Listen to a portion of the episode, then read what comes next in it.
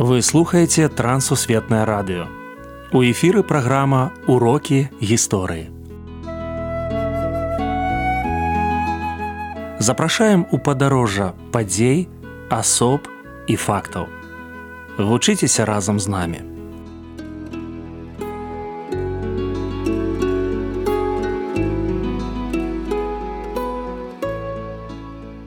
Добры дзень сябры. Ля мікрафона сяржук брышцель і кандыдат гістарычных навук Андрусь унучак. Сёння чарговае імя Ян Чэрскі. Прывітанне Андрусь. Прывітанне сяржук, прывітанне шаноўныя слухачы. З чаго б вы пачалі размову пра Яна Чэрскага?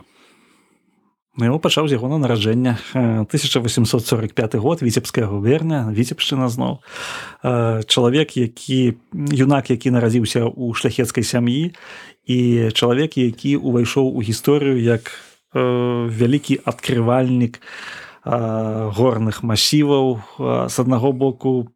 Ну чалавек які э, быў у вельмі складаных жыццёвых умовах і які з гэтых складаных жыццёвых умоваў узняўся на вяршыню і мог паглядзець на ўвесь свет э, з гары. Вось для мяне гэта такі вобраз. Яго рознабаковы ўдзел у грамадскім жыцці. Сапраўды это чалавек які быў сынам свайго часу. Ён быў паўстанцам ён удзельнічаў паўстанні 1863-64 гадоў.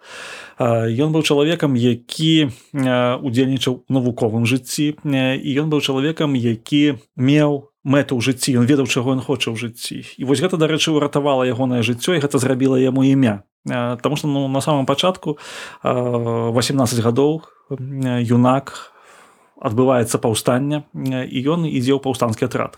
Ён разумее, што гэта вельмі вялікая рызыка і разам з тым ён разумее, што нешта адбываецца ў грамадстве, ён павінен у гэтым браць удзел. Адразу ягоны арышт, зняволення, высылка спачатку бестэрміновая, пасля яго абмежавалі вось гэтыя колькасць гадоў у высылцы пасля патрапіў пад амністыю. І ўсё гэта вельмі моцна сплялося ў ягоным лёсе вось такія перапады ад такога рэкрута у расійскім войску ў Сібіры да члена санкт-петербургскай імператорскай акадэміі навук. кароткае жыццё, вельмі вялікія перапады мы можемм сказаць што ну сапраўды нейкая рэч такая якое ну біблійная просто потому что мы бачым што ў бібліі некаторыя героі яны спачатку былі там у львінай яме ў львіным рове а пасля яны знаходзіліся там на вяршынях улады Я думаю што нейкія гэтыя перапады былі ўласцівыя і для Яна чэрскага Таму у грамадскім жыцці ён заўсёды быў грамадскім жыцці якую адукацыю атрымаў Ян чэрскі і як служыў навуцы Яму не ўдалося дарэчы атрымаць такой вось гэтай поўнай адукацыі таму што ну ён жыў у эпоху калі вельмі сур'ёзна развіваліся прыродазнаўчыя навукі настолькі моцна цікавіўся самымі рознымі з'явамі прыроды што апынуўшыся на катарзе ён просто пачаў записываць гэта. Пазней у омску на калі яго перавялі туды ў омскі он сказаў што ён я сам сябе выкупіў маімі ведамі.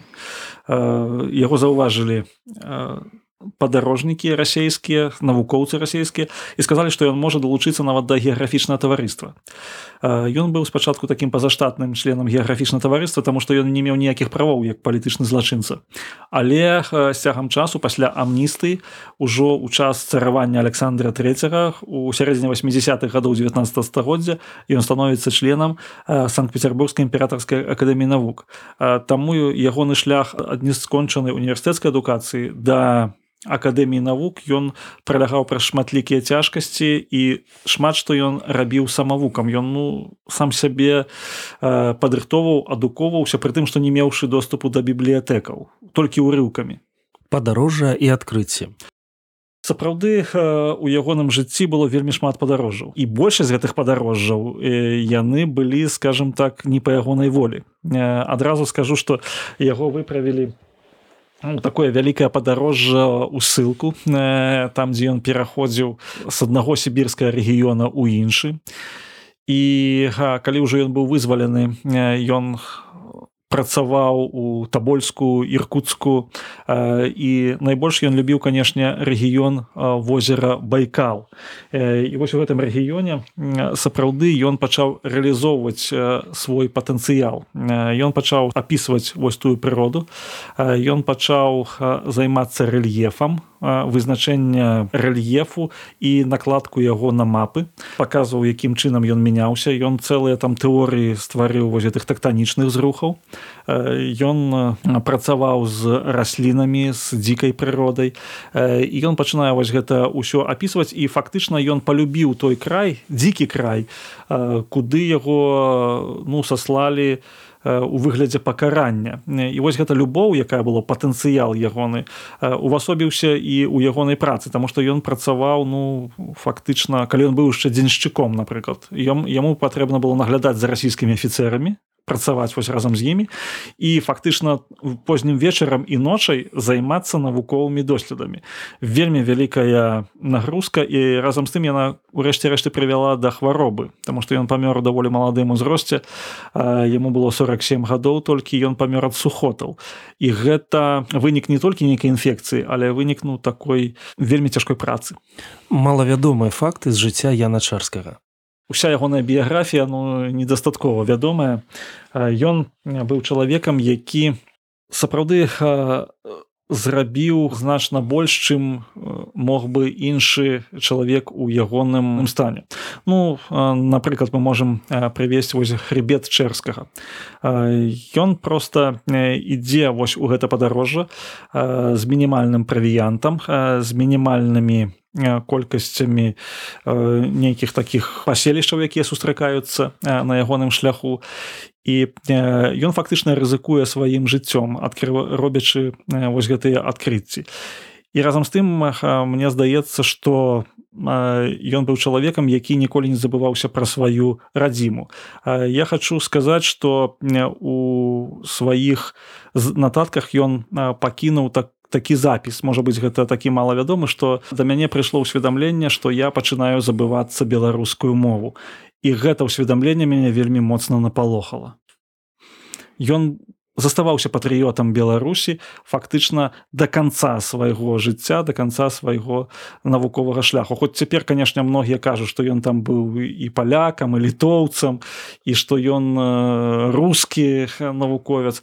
Але нават тыя навукоўцы якія пішуць якія глядзяць у яго на нататкі яны разумеюць што чалавек ён быў глыбока закарэнены у беларускую культуру беларускую воз эту моўную стыхію але на жаль на сёння гэта мала вядомыя факты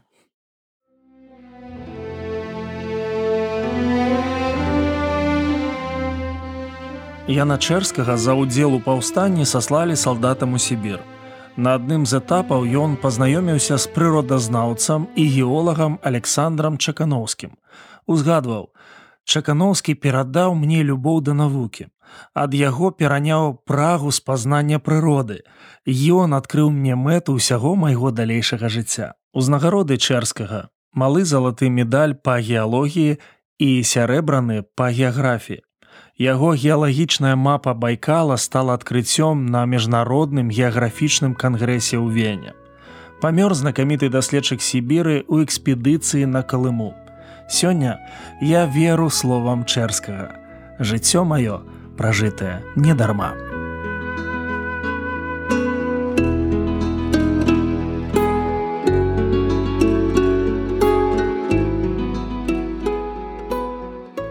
Дзякую, што далучыліся да нашага праекту. Калі ў вас ёсць пытанні, пішыце каля ласка на адрас. Трансусветнае радыё, урокі гісторыі. Паштовая скрынка 45, індекс 22 40 20, горад Брест 20, Беларусь. Пакідаю для сувязі электронную пошту rmtwr.by сабачка gmail.com шукайце нас на сайце twr.fm. Да новых сустрэч!